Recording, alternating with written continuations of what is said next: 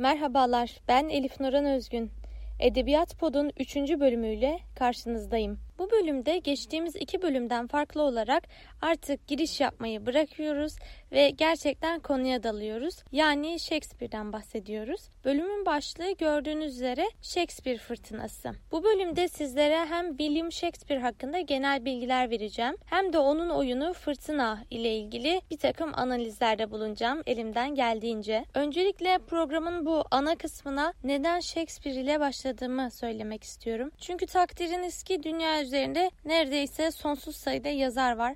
Hatta Türkiye'de dahi çok fazla sayıda yazar var ve herhangi birini seçip başlayabilirdim. Ama özellikle Shakespeare'i seçmek istedim. Bunun nedenlerinden biri tabii ki Shakespeare'in hem İngiliz hem de dünya edebiyatının en büyük yazarı kabul edilmesi. Yani bunca otorite tarafından en iyi yazar, en başarılı tiyatro oyunu yazarı kabul edilen birinden bahsetmesem olmazdı. Hatta onunla başlamak bir nevi boynumun borcuydu. Fakat bunun yanında kişisel bir takım sebeplerim de var. Benim Shakespeare'le ilk tanışmam 12 yaşına dayanıyor. Belki ondan önce ismini duymuşumdur ama herhangi bir kitabını okumamıştım. 12 yaşındayken ailemle TÜYAP kitap fuarına gitmiştik ve çok iyi hatırlıyorum ee, babam bana Hamlet kitabını satın almıştı. Kuzenime de Romeo ve Juliet'i satın almıştı. Yani o yaşta bir çocuğun Hamlet'i anlaması pek mümkün değil. Hadi Romeo ve Juliet'i biraz daha romantiktir efendim böyle e, tatlı bir kız var falan aşıklar ölüyorlar. Bu temalardan dolayı sevebilirim ama Hamlet ve 12 yaş çok alakasız. Yine de e, bu şekilde Shakespeare'i ilk defa tanımış oldum. O yıllarda Romeo ve Juliet'i okudum kuzenimden ödünç alarak. Hamlet'e başladım ama sıkılıp bıraktım tabii ki. Yani şimdi utanmaca sıkılmaca yok. Hiçbirimiz burada bu meşhur Atakan gibi değiliz.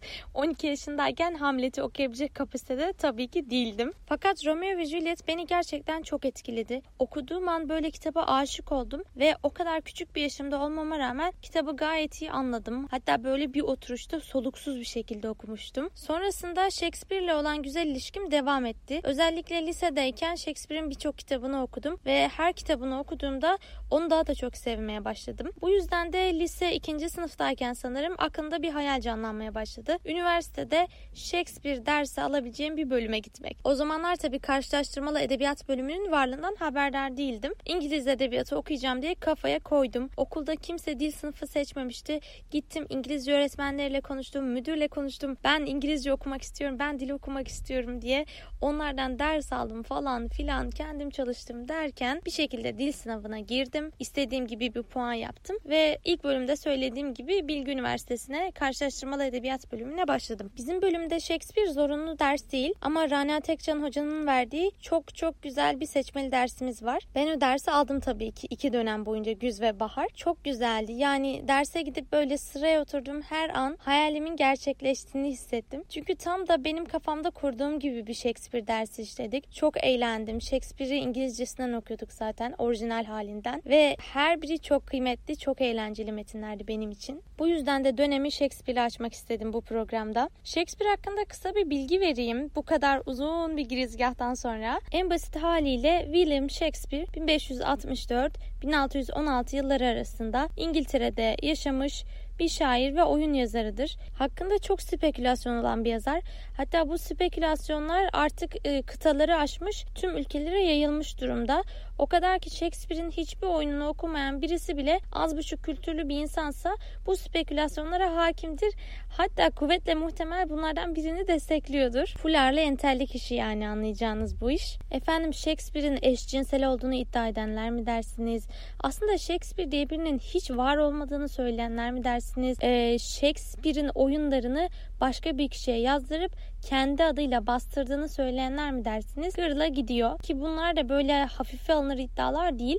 Akademide de gerçekten çok güçlü kişiler bu iddiaları destekliyorlar. Ama biliyoruz yani günümüzde dünyanın düz olduğunu iddia eden bir tayfanın bile olduğu bir evrende Shakespeare'e eşcinsel demişler, Shakespeare'e yoktu demişler, çok mu? Bu yüzden bu spekülasyonlara çok da aldırmıyorum ve ben tamamen ana akım görüşü benimseyerek Shakespeare'in hayat hikayesini, eserlerini, her şeyini bu yolda anlamaya çalışıyorum. Shakespeare daha genç yıllarında Londra merkezli bir takım gezici tiyatrolara katılarak bu tiyatrolarda oyun yazmaya, sahnelenmesinde yardım etmeye falan başlıyor. Böyle küçük küçük işlerle başladığı tiyatro kariyeri zamanla büyüyor ve gerçekten tanınır bir oyun yazarı haline geliyor. Shakespeare'in eserleri 3 kategori altında toplanıyor. Komediler, trajediler ve tarihi oyunlar. Bugün işleyeceğimiz Fırtına oyunu bir komedi. Ancak şunu belirtmek istiyorum. Bu komedi dediğim tür, komedya diye de ifade edebiliriz tabii. Güldürü anlamını taşımıyor. Tiyatro terimi olarak bunu kullandığımızda en kolay anlaşılır biçimde şöyle söyleyebilirim. Sonu iyi bir şekilde biten, mutlu bir şekilde biten, hatta genelde evlilikle biten oyunlara veriliyor. Fırtına oyunu gerçekten Shakespeare tiyatrosunda önemli yer tutan bir oyun.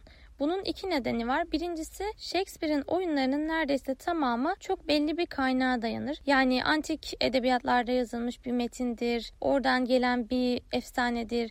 Hani Shakespeare bunları almış ve değiştirerek yeni bir eser ortaya çıkarmış. Zaten eski dönemlerde günümüzdeki gibi bir orijinallik arayışı olmadığı için bu eserler gayet makbul olarak karşılanıyor. Herkes için normal olan eski bir eseri alıp günümüze modifiye etmek yani. Fakat Shakespeare'in Fırtına eserinin tam olarak kaynağı belli değil. Tabi bazı tahminler var. Shakespeare'in esinlendiği düşünülen bazı eserler var. Çünkü Shakespeare ile akademik olarak ilgilenen Shakespearean dediğimiz özel insanlar var. Bunlar gece gündüz Shakespeare'in eserlerini didik didik arıyorlar. E bu kadar didik didik arayınca tabii ki kaynaklar bulunuyor. Fakat yine de Shakespeare buradan birebir kopyalamış, kesinlikle bunu kaynak almış diyebileceğimiz bir yer yok Fırtına kitabı için. Yani bu da bizi şuna götürüyor. Fırtına eseri neredeyse tamam tamamen Shakespeare'in zengin imgeleminin, bu mükemmel hayal gücünün bir ürünü. Sadece bu bile Fırtına'ya özel bir eser yapmaya yeter aslında. Bunun yanında bir de şu var. Fırtına Shakespeare'in son oyunu. Yani şöyle söyleyebilirim. Fırtına'dan sonra Shakespeare birkaç eser yazdı ama bunları tek başına yazmamış. Bunları hep böyle işbirliği yaparak bir arkadaşıyla birlikte yazıyor ve öyle yayınlıyor. Yani tamamen Shakespeare'a ait tek başına yazmış diyebileceğimiz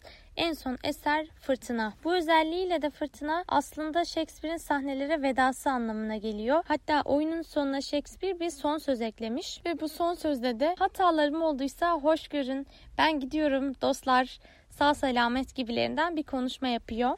Kitabı kısaca özetlemek istiyorum. Devamında da Fırtına kitabında benim özellikle odaklanmak istediğim bir nokta var. Ondan bahsetmek istiyorum. Kitabın özeti şu şekilde. Milan Dükü Prospero isminde bir kişi var.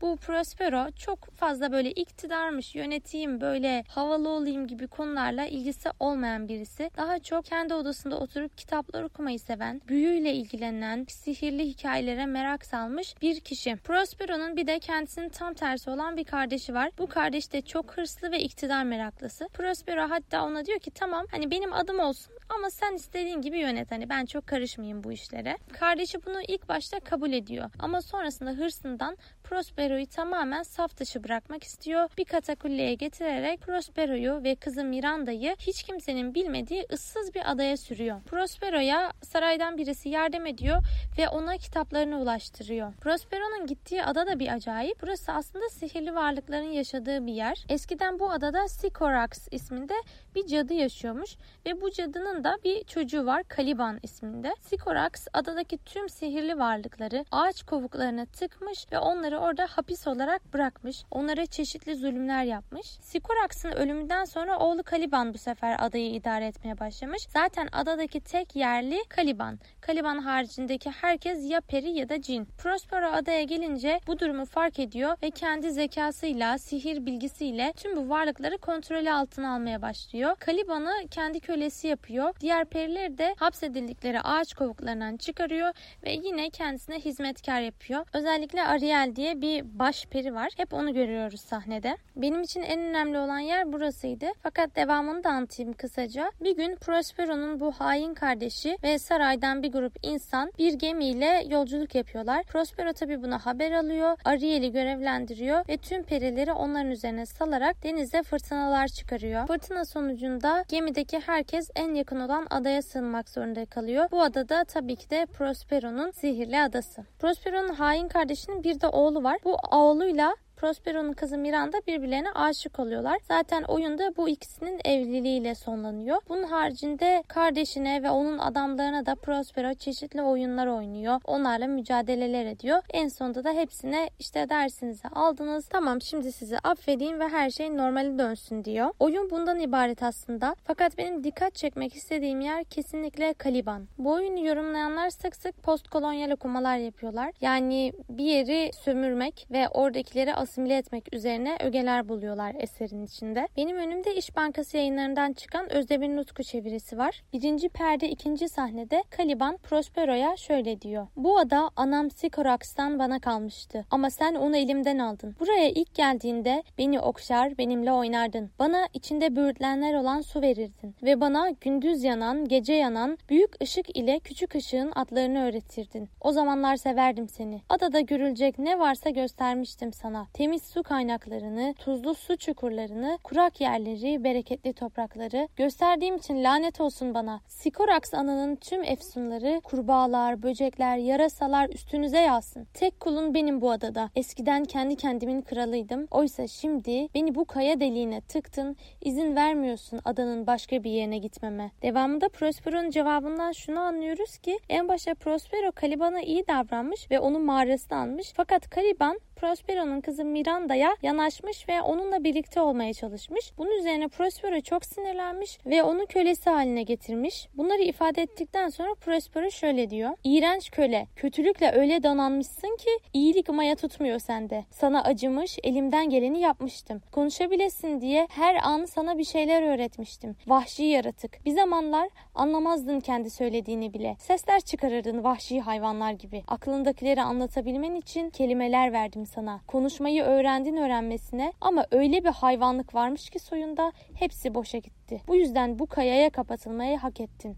Hapisten de fazlasına layıksın aslında. Şimdi burada benim değerlendirmek istediğim birkaç nokta var. Birincisi kendi adamın kralıydım ama sen gelince köle oldum lafı. Bu gerçekten Caliban ve Prospero özelinden çıkarılırsa tüm emperyalizm tarihini özetleyen bir söz haline gelir. Hem Amerika kıtasının keşfiyle hem de çok daha geç bir dönemde olan bu Afrika ülkelerinin sürekli işgal edilişi ya da Orta Doğu'daki ülkelerin Amerika tarafından işgal edilişiyle çok bağlantılı. Fransız sömürgeleri, İngiliz sömürgeleri düşünün yani gerçekten o insanlar kendi adalarının, kendi ülkelerinin krallarıydılar. Ama sonra ikinci sınıf insan pozisyonuna düştüler. Ve tabii Prospero'nun dediği de çok önemli. Diyor ki sen diyor vahşi hayvanlar gibi sesler çıkarıyordun. Ben sana kelimeler verdim. Aslında burada da çok ciddi bir kolonyalizm görüyoruz. Yani o kişinin kendi ana dilinde konuşmasını vahşi hayvanın seslerine benzetiyor ve diyor ki hani senin dilin anlaşılmıyor. Aslında onun dili anlaşılmıyor değil. Kaliban'la aynı milletten, aynı varlık türünden birisi olsa, mesela annesi Sikorax yaşıyor olsa muhakkak ki onun dilinden anlayacaktı. Burada anlamamaktan suçlu olan Prospero. Fakat buna rağmen üste çıkarak diyor ki ben sana kelimeler verdim. Ben sana kendi dilimi öğrettim ve sana lütfettim. Bu noktada aklıma Cezayirli bir arkadaşım geliyor. Bir aralar internetten konuştuğum bir kızdı. Ee, ve bu kız bana şöyle demişti. Cezayir'de ana dilimizde eğitim almıyoruz. Yani lisede derslerimizin tamamını Fransızca dilinde alıyoruz ve bence ana dilde eğitim almak gerçekten büyük bir lüks. Çok şanslısın buna sahip olduğun için. Bunu duyduğumda çok şaşırmıştım. Çünkü böyle bir şey olduğunu bilmiyordum. Şu an hala aynı mıdır durum bilmiyorum ama bu kız konuştuğumuz dönem bana böyle aktarmıştı. Gerçekten de insanın kendi dilinden soğumasını sağlamak, onun dilini bilim yapılamaz, öğrenilemez, anlaşılmaz bir konuma sokmak ve ona yeni dil öğretmeye çalışmak bir noktada hakaret gibi bir şey. Onun bir nevi kendini ifade özgürlüğünü kısıtlıyorsun. İnsanlar her zaman fiziksel olarak köleleştirilmezler veya bir insanın özgürlüğünü her zaman hapse tıkarak almazsın. Onun kendisini ifade etmesini sağlayan dili ya da daha iyi bilgi öğrenebileceği dili yasaklayarak da o insanı hapsedebilirsin, kısıtlayabilirsin, hatta köle haline getirebilirsin. Günümüzde de baktığımız zaman birçok ülkede azınlıklar benzer bir konumda. Onların dili medeni görülmüyor ya da yeterince gelişmiş görülmüyor. Bunun yerine tamamen daha üst kültür olan kişinin dili dayatılıyor.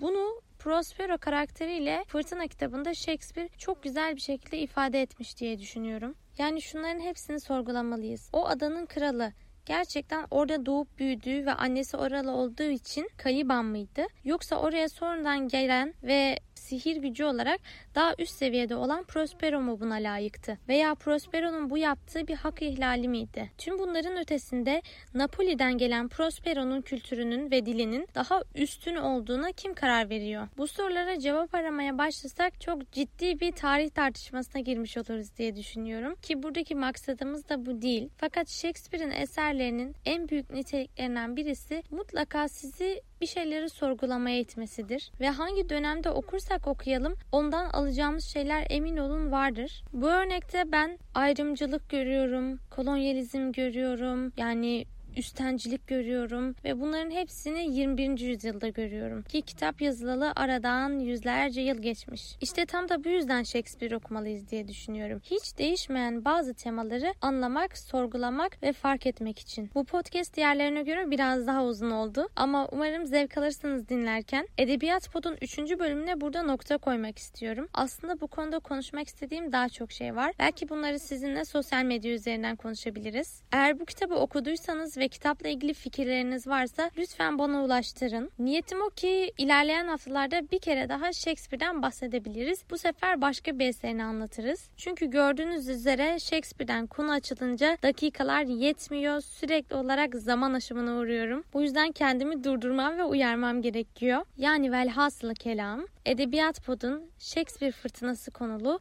3. bölümünün sonuna geldik. Kendinize iyi bakın. Edebiyatla sorgulayarak ve farkında olarak kalın. Hepinize iyi günler diliyorum.